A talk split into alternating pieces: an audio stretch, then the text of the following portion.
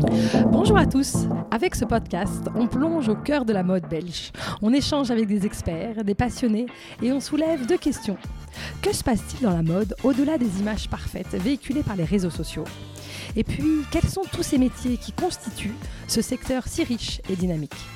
Je m'appelle Astrid. Et naam is Lien. Ensemble, nous sommes derrière le podcast We Love Belgian Brands, le premier podcast qui parle de la mode belge. Alors voilà, tous les jeudis sortiront un épisode et une semaine sur deux en français et en néerlandais. Au creux de vos oreilles, on parle vrai, on raconte ce qu'est la réalité. Le but de chaque discussion, apprendre, échanger, inspirer. Belle écoute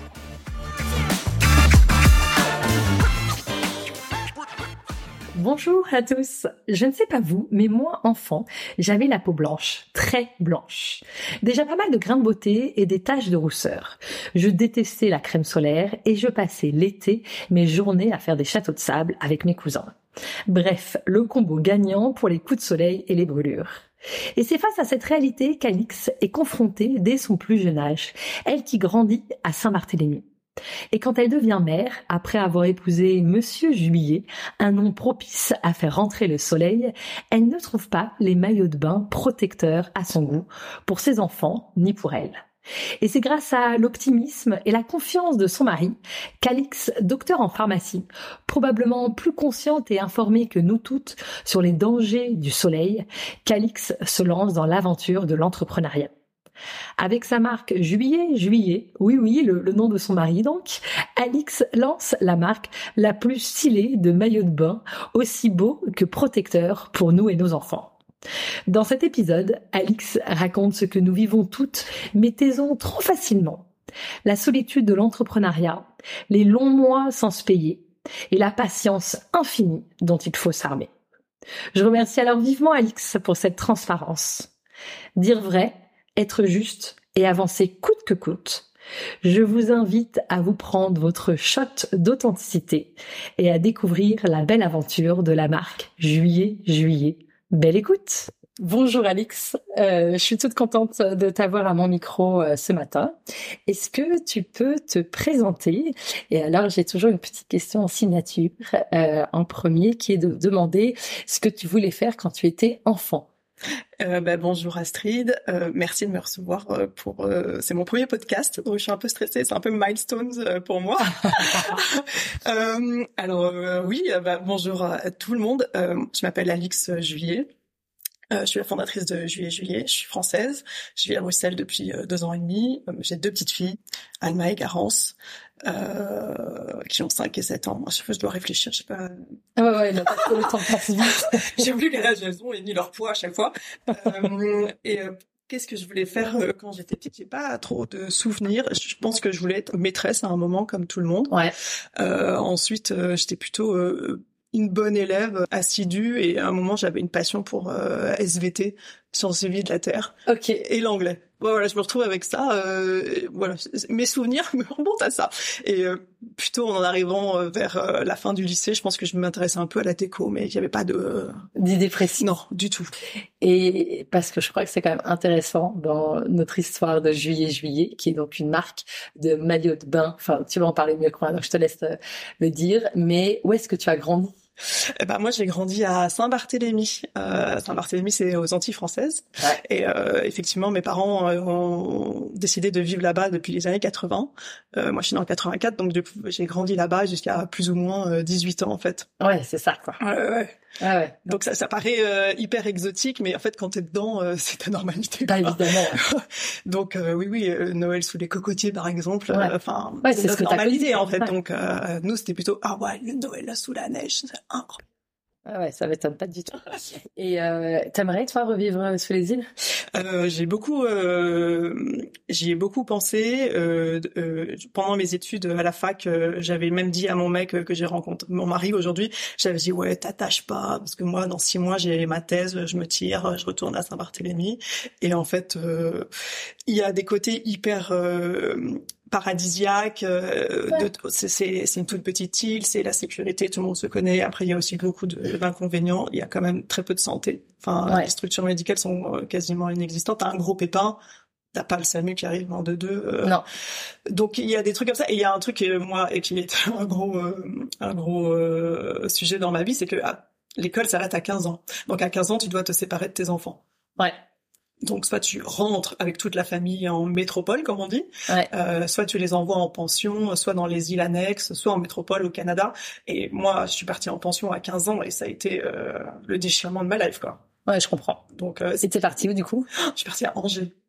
Ah ouais, donc et pourquoi Angers? Bah, en fait, euh, on avait des amis, euh, une amie d'enfance qui avait grandi à Saint-Barthélemy et qui avait décidé de faire cet exode un peu plus tôt pour éviter euh, euh, la fin. Euh, donc eux, ils étaient déjà retournés en, en métropole et du coup, je retournais avec ma copine en pension du coup. Ok, Voilà. ok.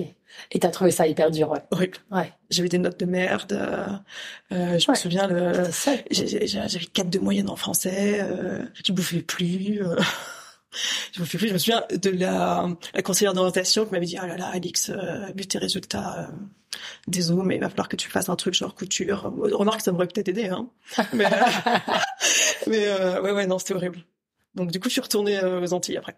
Et j'ai passé mon bac en Guadeloupe. Ah, cool. Ouais, ouais. Oui, parce que du coup, mais tu te rapprochais pas vraiment de tes parents, si? La Guadeloupe. que- Et, bah, si, parce que tous les deux week-ends, tu prends l'avion pour rentrer à la maison, en fait. Ah oui, d'accord. C'était un pensionnat qui était à côté de l'aéroport de Pointe-à-Pitre. Et euh, du coup, j'ai pas du tout découvert la Guadeloupe, entendons-nous. Hein. Ouais. Je faisais pensionnat, aéroport, pensionnat, aéroport. Euh. Oui. J'ai retrouvé des copines en plus qui étaient pas parties en métropole. Donc c'était mes best year of my life. euh, Ouais, la ok, Guadeloupe. cool. Voilà. Et, et tu rentrais une fois par mois euh, Toutes les deux semaines. toutes les deux semaines. Ouais, ouais, Ouais, ouais. Ouais. Ah ouais, et ça, c'était important pour toi, c'était pas Ouais, ouais, ouais. Euh, Je, je suis l'aînée de quatre enfants. Tu, tu vis en autarcie quand t'es une famille comme ça, sur saint Ouais, bien sûr. Et enfin, l'éclatement, je l'ai pas, je l'ai pas supporté, quoi. Ouais, je comprends. Ok, euh, très bien. Donc une vie sous les îles qui t'a conduit quand même quelque part à, je sais pas, peut-être à lancer Juillet Juillet. Peut-être. Qu'est-ce que qu'est-ce que c'est Juillet Juillet? Est-ce que tu peux nous en dire un peu plus? Juillet Juillet, c'est une marque de maillot de bain anti-UV, donc des maillots de bain manches longues, euh, qui te protège la peau du soleil, mais donc certifié UPF 50+, mais qui t'apporte en plus une dimension style. Parce Ouais. qu'on va pas se mentir, l'anti-UV aujourd'hui, c'est quand même pas jojo. Et aussi un côté hyper pratique euh, quand t'as des enfants. Tu passes pas 25 ans à tartiner tout le monde. Euh, Ouais. Tu le mets, tu l'enlèves. Euh, et pareil pour euh, pour les adultes. En fait, Euh, un- tu fais du kayak, une sortie en bateau, tu te poses pas la question. Tu le mets, t'as pas une durée limitée comme la crème solaire où personne ne ne fait attention, mais la crème solaire, tu es quand même obligé de l'appliquer toutes les deux heures. Ouais, bien sûr. Et, et là, tu as ton anti-UV, t'en parles plus, quoi. Ouais. Et du coup, cette marque, tu l'as lancée quand? Je l'ai lancé euh, quand on vivait encore à Paris. Je l'ai lancé en 2019. Donc là, c'est vraiment genre création de la société, machin, Ouais. dépôt du nom de marque et tout. Euh, on va dire que la- l'activité a vraiment commencé en 2021 Ouais. parce que l'accouchement de cette première production euh, a été hyper longue. Tu vois, j'ai été livrée en septembre. Ah, Ballot. Meilleur timing pour vendre des maillots. Donc mon premier bilan, c'est 2021. Ok, super. Voilà. Et qu'est-ce que tu as fait avant? Alors avant, euh, c'est un peu long. euh, en fait, suis, j'ai fait un peu plusieurs trucs. J'ai fait l'archive intérieure pendant un an. Euh, j'ai fait des prépas médecine parce qu'en fait, euh, arrivé à 18 ans, euh, hyper pragmatique, euh, c'est question de mon père, c'est t'as une passion, t'as pas de passion? Je dis ah non, j'ai pas de passion. Ouais, je ne sais 18 rien. euh. Il me dit ok, alors euh, on va chercher quoi? L'autonomie financière. Ça c'était le grand dada de ma mère. Il faut que tu sois autonome financièrement. Elle était dentiste et tout. Genre, tu dépends pas de ton mec, machin et tout. On en reparlera. Euh, et, euh, et du coup, ils, m'ont dit, ouais, franchement, euh, médecine, ils étaient, tous médecins du côté de ma mère. Ils dit, franchement, les gens malades, il y en aura tout le temps. Euh, j'ai ok, banco. Euh, euh, je fais euh, PCEM à l'époque, ça s'appelait donc première année de euh, tronc commun euh, médecine. Et je me suis dit, bon, bah, Cool. euh, je fais dentaire, comme ça, je récupère le cap de ma mère. Et, Ah oui, euh, donc, euh, sauf que médecine, je l'ai pas eu. ok. T'as que deux fois. Ouais. Et là, je me dis, putain, j'ai 22 ans, je fais quoi maintenant? Euh, J'ai rien. Et j'ai des comiques qui me disent, bah fais, t'as qu'à faire euh, pharmacie, c'est le même concours quasiment. J'ai bah pas con. Et euh, du coup, là, je l'ai eu d'un coup. Et du coup, je me retrouve euh, docteur en pharmacie à 27 ans quand même. Hein. Ouais, ouais, ouais, Ouais. c'est clair. Voilà. Ouais, ouais. Et, euh, et C'est pas une vraie vocation, quoi. Ouais, et est-ce que euh, ça t'a quand même aussi sensibilisé aux problèmes de peau? Est-ce que ça a un lien quelque part? Oui, oui, complètement. Et puis en plus, comme je te disais, j'adorais euh, la matière SVT. Donc il y a quand même un truc où sur le côté science qui m'intéresse grave.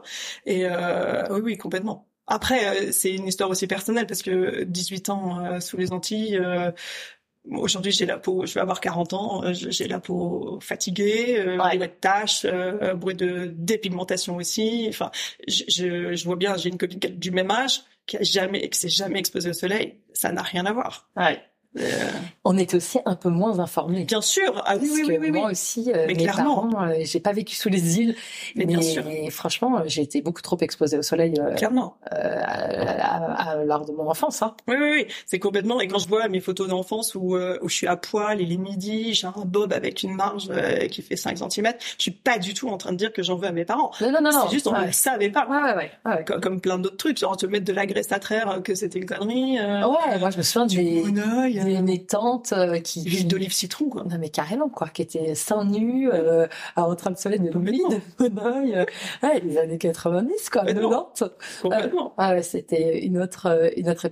Est-ce que tu peux nous raconter, euh, c'est quoi les valeurs ou, ou ce qui t'anime avec Juillet Juillet Euh, bah, juillet, juillet, pour moi, c'est, enfin, c'est vraiment ma casquette de pharmacien, là, pour le coup. C'est, Ouais. la santé. Ouais. La santé de la peau.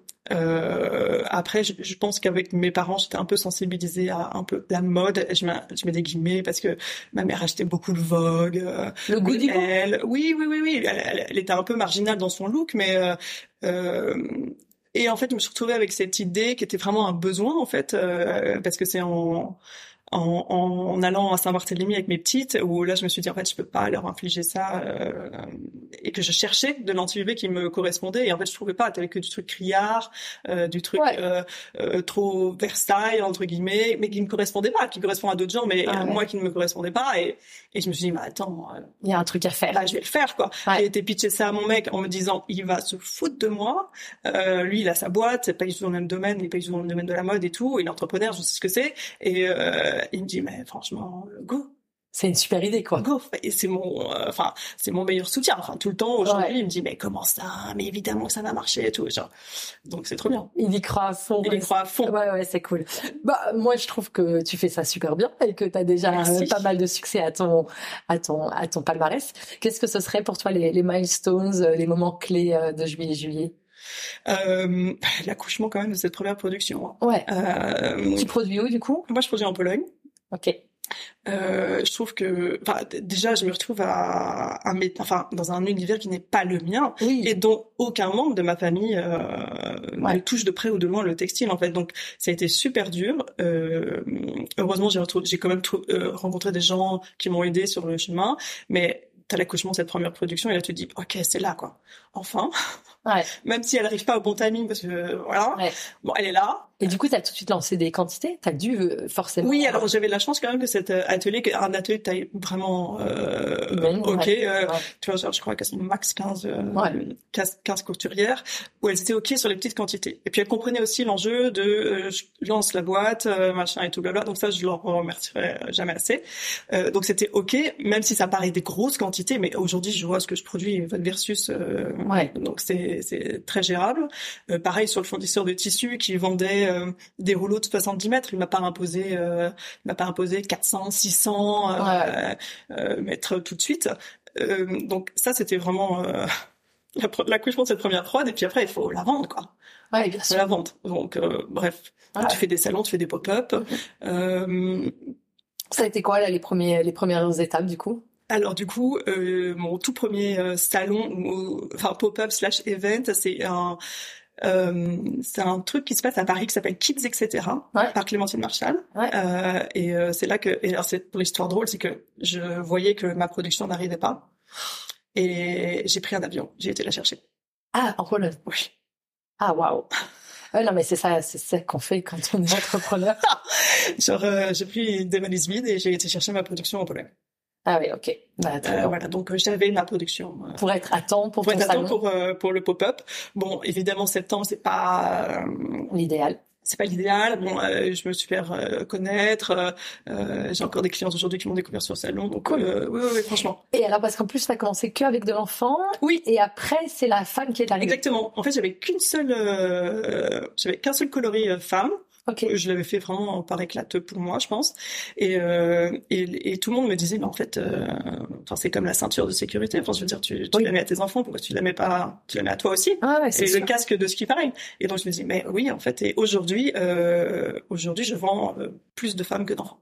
Ah oui, tu vois. Ouais, ouais. ouais. Et pour cette recherche de, de sécurité, de protection solaire euh, pour les, tous les sports d'eau, en fait. Moi, je trouve ça super. Exactement. Alors après, euh, je, mets un bémol sur le sport d'eau. C'est comme je te disais, je, je, suis pas, je me positionne pas du tout sur une marque euh, sportive type mm Quicksilver, mm Billabong. Donc j'ai pas de R&D sur des sur des trucs où ils sont où il y a beaucoup de frottement ou des trucs Recherche comme ça. développement.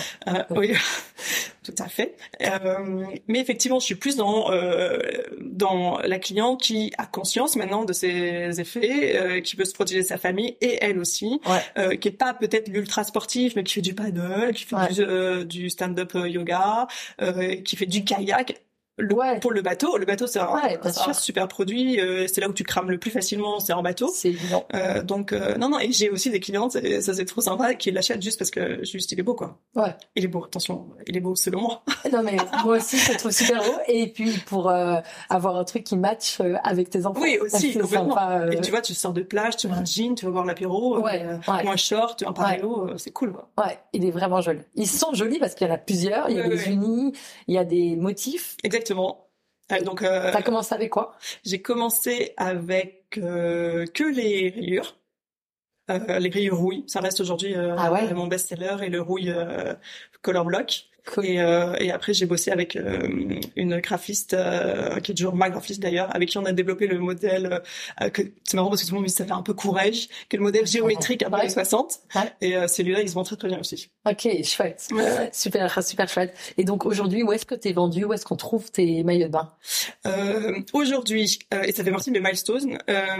j'ai la chance que j'ai des, des, hôtels de prestige qui m'ont fait confiance dès le début. Ouais. Je pense à Lily of the Valley. Je pense à le Rosewood Wanani. Alors euh, oui, j'étais de Saint-Barthélemy, c'est plus facile, certes, mais du coup ils m'ont fait confiance ouais, euh, super. quand même, donc ça c'est trop cool.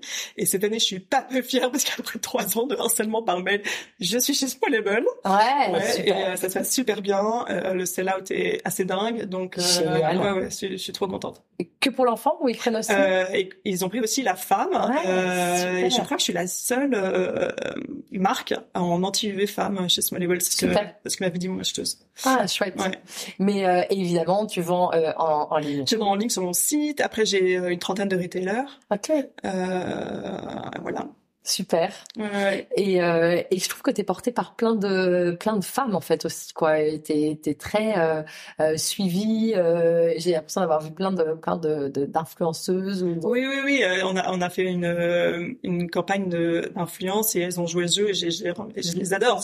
Genre ouais. Alix Petit de Hemstone, Marie ouais. enfin. C'est ça. Hein, génial et et cette année, en client comme ça que j'ai vu, parce que je les ai jamais sollicités, mais que j'ai vu les bons de commande euh, passer, euh, ben il y avait, euh, je lui ai envoyé un MP d'ailleurs cet été, euh, elle a l'air trop sympa, c'est Tine de Totia Ravi. Ah super. Ouais, qui a commandé pour ses enfants et Mira Mikati. Hein. Ah ouais. Ouais ouais, ouais. donc ça c'est des trucs genre.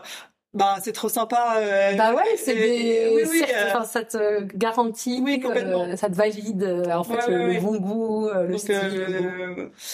Euh, oui, et même d'autres que je connaissais pas. Et après, c'est des copines qui m'envoient, qui m'ont dit, waouh, t'as vu, euh, c'est machin qui te porte. Et moi, je suis là, mais c'est qui et tout. Et genre, après, je découvre, je me dis, ah ouais, trop cool. Ouais, c'est chouette. Donc, ouais, ouais, franchement, ouais, ouais, c'est vrai. Mais d'ailleurs, c'est gratifiant. T'as pas vraiment de concurrents, je trouve. Mais t'en as quelques-uns, mais je... enfin, t'as de... j'ai de la concurrence sur bio anti-UV. Ouais. Après, chacun a son style différent. Ouais, voilà. je suis d'accord.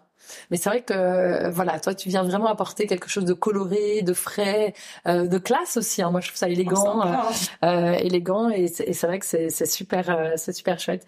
Après trois quatre ans de boîte, euh, c'est quoi tes challenges aujourd'hui? Bah, Aujourd'hui, c'est faire grandir la boîte toujours. Ouais doubler le chiffre d'affaires, euh, me verser un salaire. Aujourd'hui, je me verse toujours pas de salaire. Ouais. Je ne suis pas autonome financièrement comme l'aurait voulu ma maman.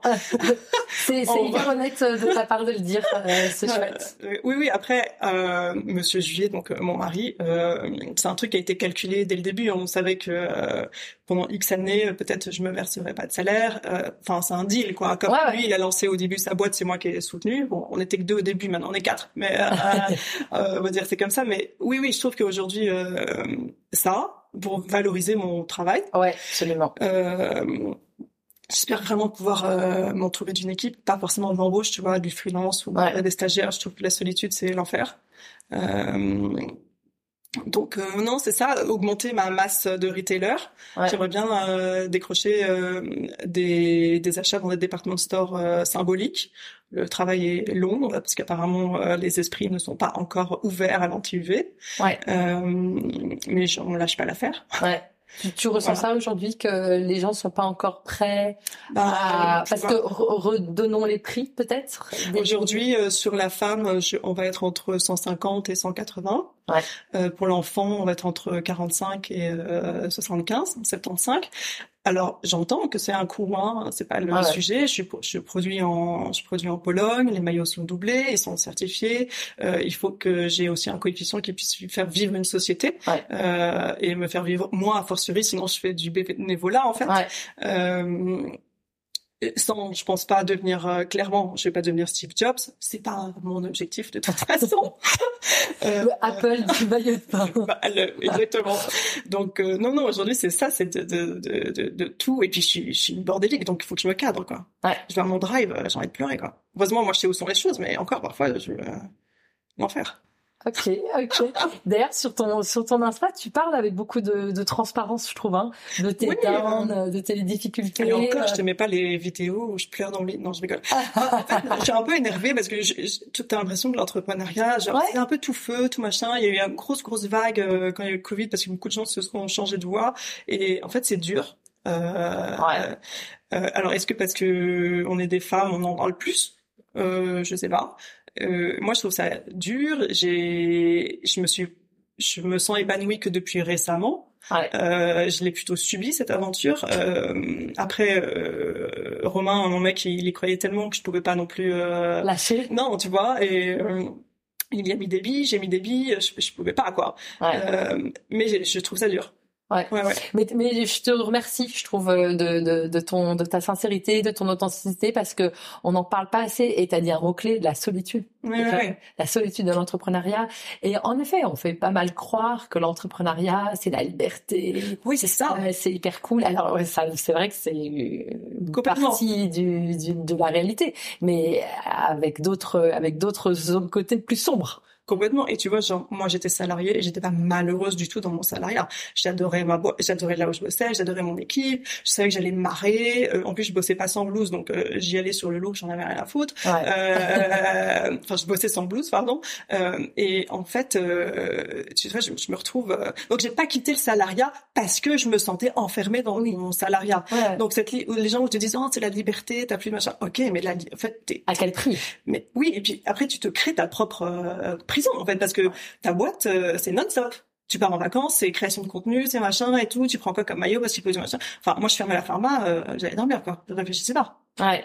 C'était pas la mienne, on est d'accord. Mais euh, je trouve que t'as un truc où et genre si par exemple je suis crevée et je me dis je vais prendre une demi-journée, je vais rien foutre, des conneries, je vais regarder Netflix et euh, me gaver de de Pringles, ben t'as le t'as le truc culpabilité parce que parce que tu bosses pas quoi. Ah ouais, c'est vrai. Donc c'est toujours cette balance. Euh, ah, faut que tu bosses, culpabilité, faut que tu bosses. Euh, tu penses à tout tout le temps, quoi. Ouais. Ça s'arrête jamais. Non. Donc en fait, salariat, c'est hyper euh, reposant. Oui. Ouais, ouais.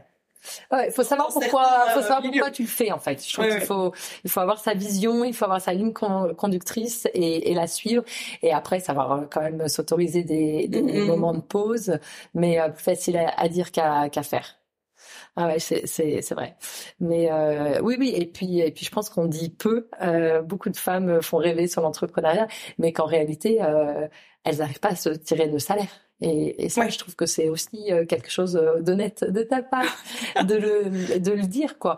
Et, euh, et après voilà, c'est super d'être une équipe avec son mari et tu as bien raison de, de Mais le salaire commence en bientôt là. Ah, ah ça va pas être grand chose mais c'est juste symbolique quoi. Ouais, c'est symbolique. Ouais. T'as raison, c'est important. Euh, tout travail mérite salaire mm. et je pense que c'est important que ton tes efforts soient aussi mm. récompensés quoi. Complètement. Super. c'est quoi les next steps Bah t'as un peu dit voilà l'idée du développement euh, euh, wholesale, d'avoir plus de, retailers. Et je pense euh, sensibiliser les gens à, aux méfaits, même si ça vient. Je trouve qu'en Europe on est quand même très long, mais c'est sensibiliser aux Tu crois que c'est plus sens... ils sont plus informés aux États-Unis Oui, j'ai l'impression qu'ils sont plus sensibles. Tu vois même beaucoup dans les les people américains, les comédiennes, elles, elles t'en parlent clairement. Elles ne s'exposent plus au soleil. Euh, elles savent quoi. J'ai l'impression, pareil pour l'Australie. Bon, l'Australie c'est un autre problème parce qu'ils ont vraiment le trou de la couche euh, de zone devant, au-dessus d'eux. Donc eux, ils savent de facto qu'un Australien sur deux aura un cancer euh, de la peau. En Europe, on est plutôt sur 1 sur 5 à partir de 75 ans, 75 ans. Euh, mais euh, oui, aujourd'hui, euh, si tu vas sur la plage, euh, enfin moi j'ai passé euh, quelques jours à la mer du Nord l'été dernier. En plus, les petits blonds belges, euh, ils sont en plein cagnard, euh, sans rien du tout, euh, pendant des heures, quoi. Ouais, ouais. Non, non, je suis d'accord. Et, et je peux comprendre que on se dise, euh, ah, on n'a on a pas vu le soleil pendant six mois en Belgique, euh, entendu, mais en fait, c'est le pire pour rattraper. pour ouais. rattraper quoi en plus? Ouais, ouais. Ouais. Et la peau, elle, elle, non, elle est pas prête à ça. Elle est pas prête. je rappelle quand même que le bronzage, c'est un mécanisme de défense immunitaire. Tu vois, donc euh, il faut, faut remettre aussi les choses en perspective. Euh, c'est vrai qu'on a complètement glamourisé le oui, oui, bronzage en fait. Complètement. Euh... Ce qui n'était pas le cas avant ou même en Asie. Hein, oui, en Asie, ça l'est toujours pas. Ça l'est toujours pas. En Asie, blanche, la classe, quoi. les pigmentations, c'est les numéros un. Les, les soins dépigmentants, c'est toujours les soins numéro un les plus vendus. Euh, ouais. Mais oui, oui, pour en Asie, c'est encore associé à si t'es bronzé, c'est que t'es ouvrier, donc tu travailles sous le soleil. Ah ouais, ouais. Et, et nous, c'est comme je te disais, si tu rentres et que tu étais tout blanc. Oui, on s'interroge sur la qualité de tes vacances. Exactement. Sur son, le potentiel de réussite euh, des vacances. Non, non, je suis d'accord. C'est, vrai. Et en effet, c'est une question de d'éducation, d'information. donc ça prend du temps aussi. C'est comme le casque au ski. Enfin, je sais pas, il y a. Oui, t'as raison. euh, on s'y intéressait pas du tout. Tout le monde disait oui, c'est mieux de mettre un casque. Toi, étais là genre au secours, on la dégaine avec le casque. Euh, merci. Et maintenant. ouais, maintenant il y a plus personne sans casque. Sans casque. Ah ouais, c'est vrai. C'est vrai, c'est vrai, c'est c'est vrai. Et il y a 20 ans, personne n'avait de, de casque. Évidemment. Un casque ski, pourquoi faire Ouais, ouais.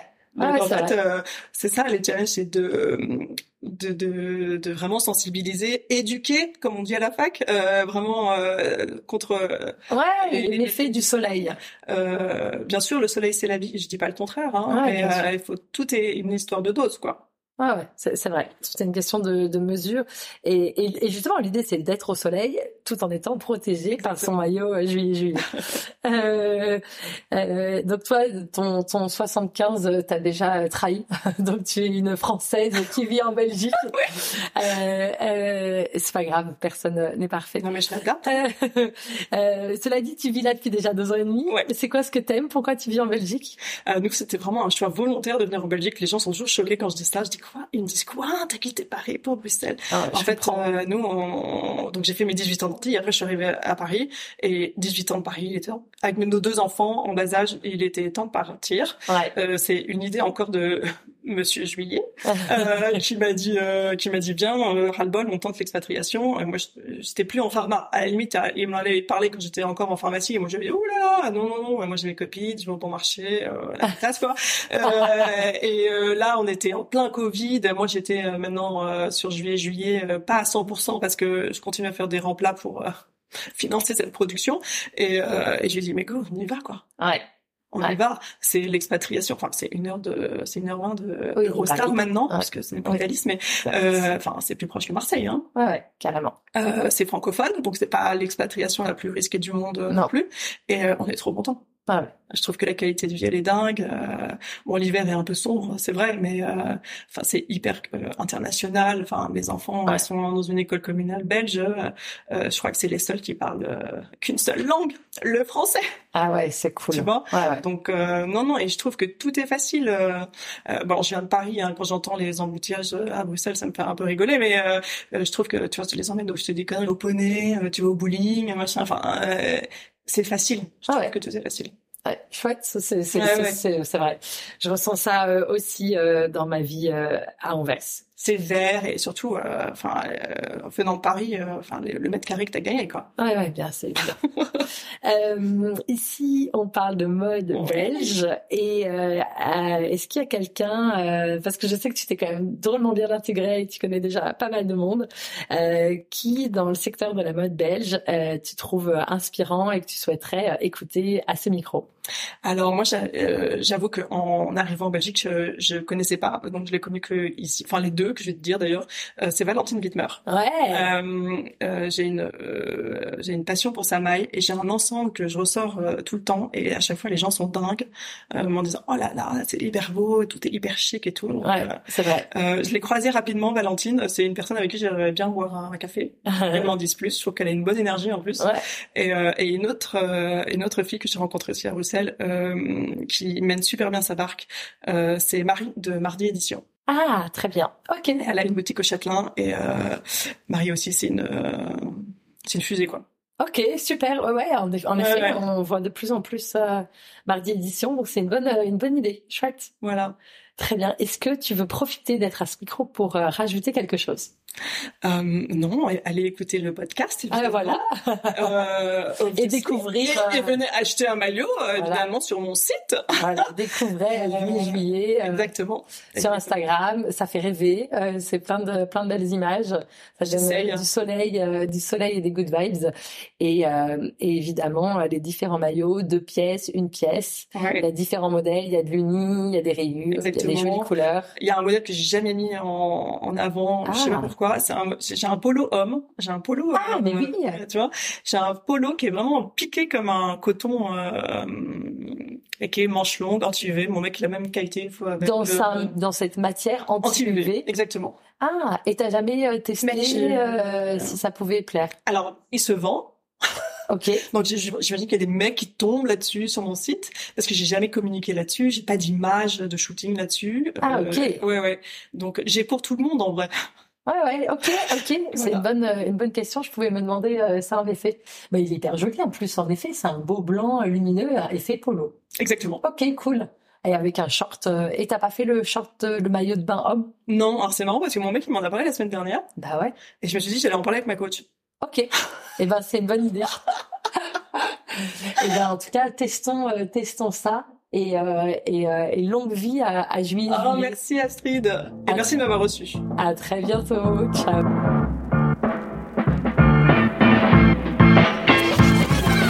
Merci beaucoup d'avoir écouté cet épisode jusqu'au bout.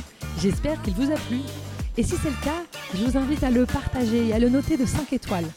Ensemble, diffusons les histoires inspirantes et les conseils précieux des entrepreneurs qui constituent la mode belge.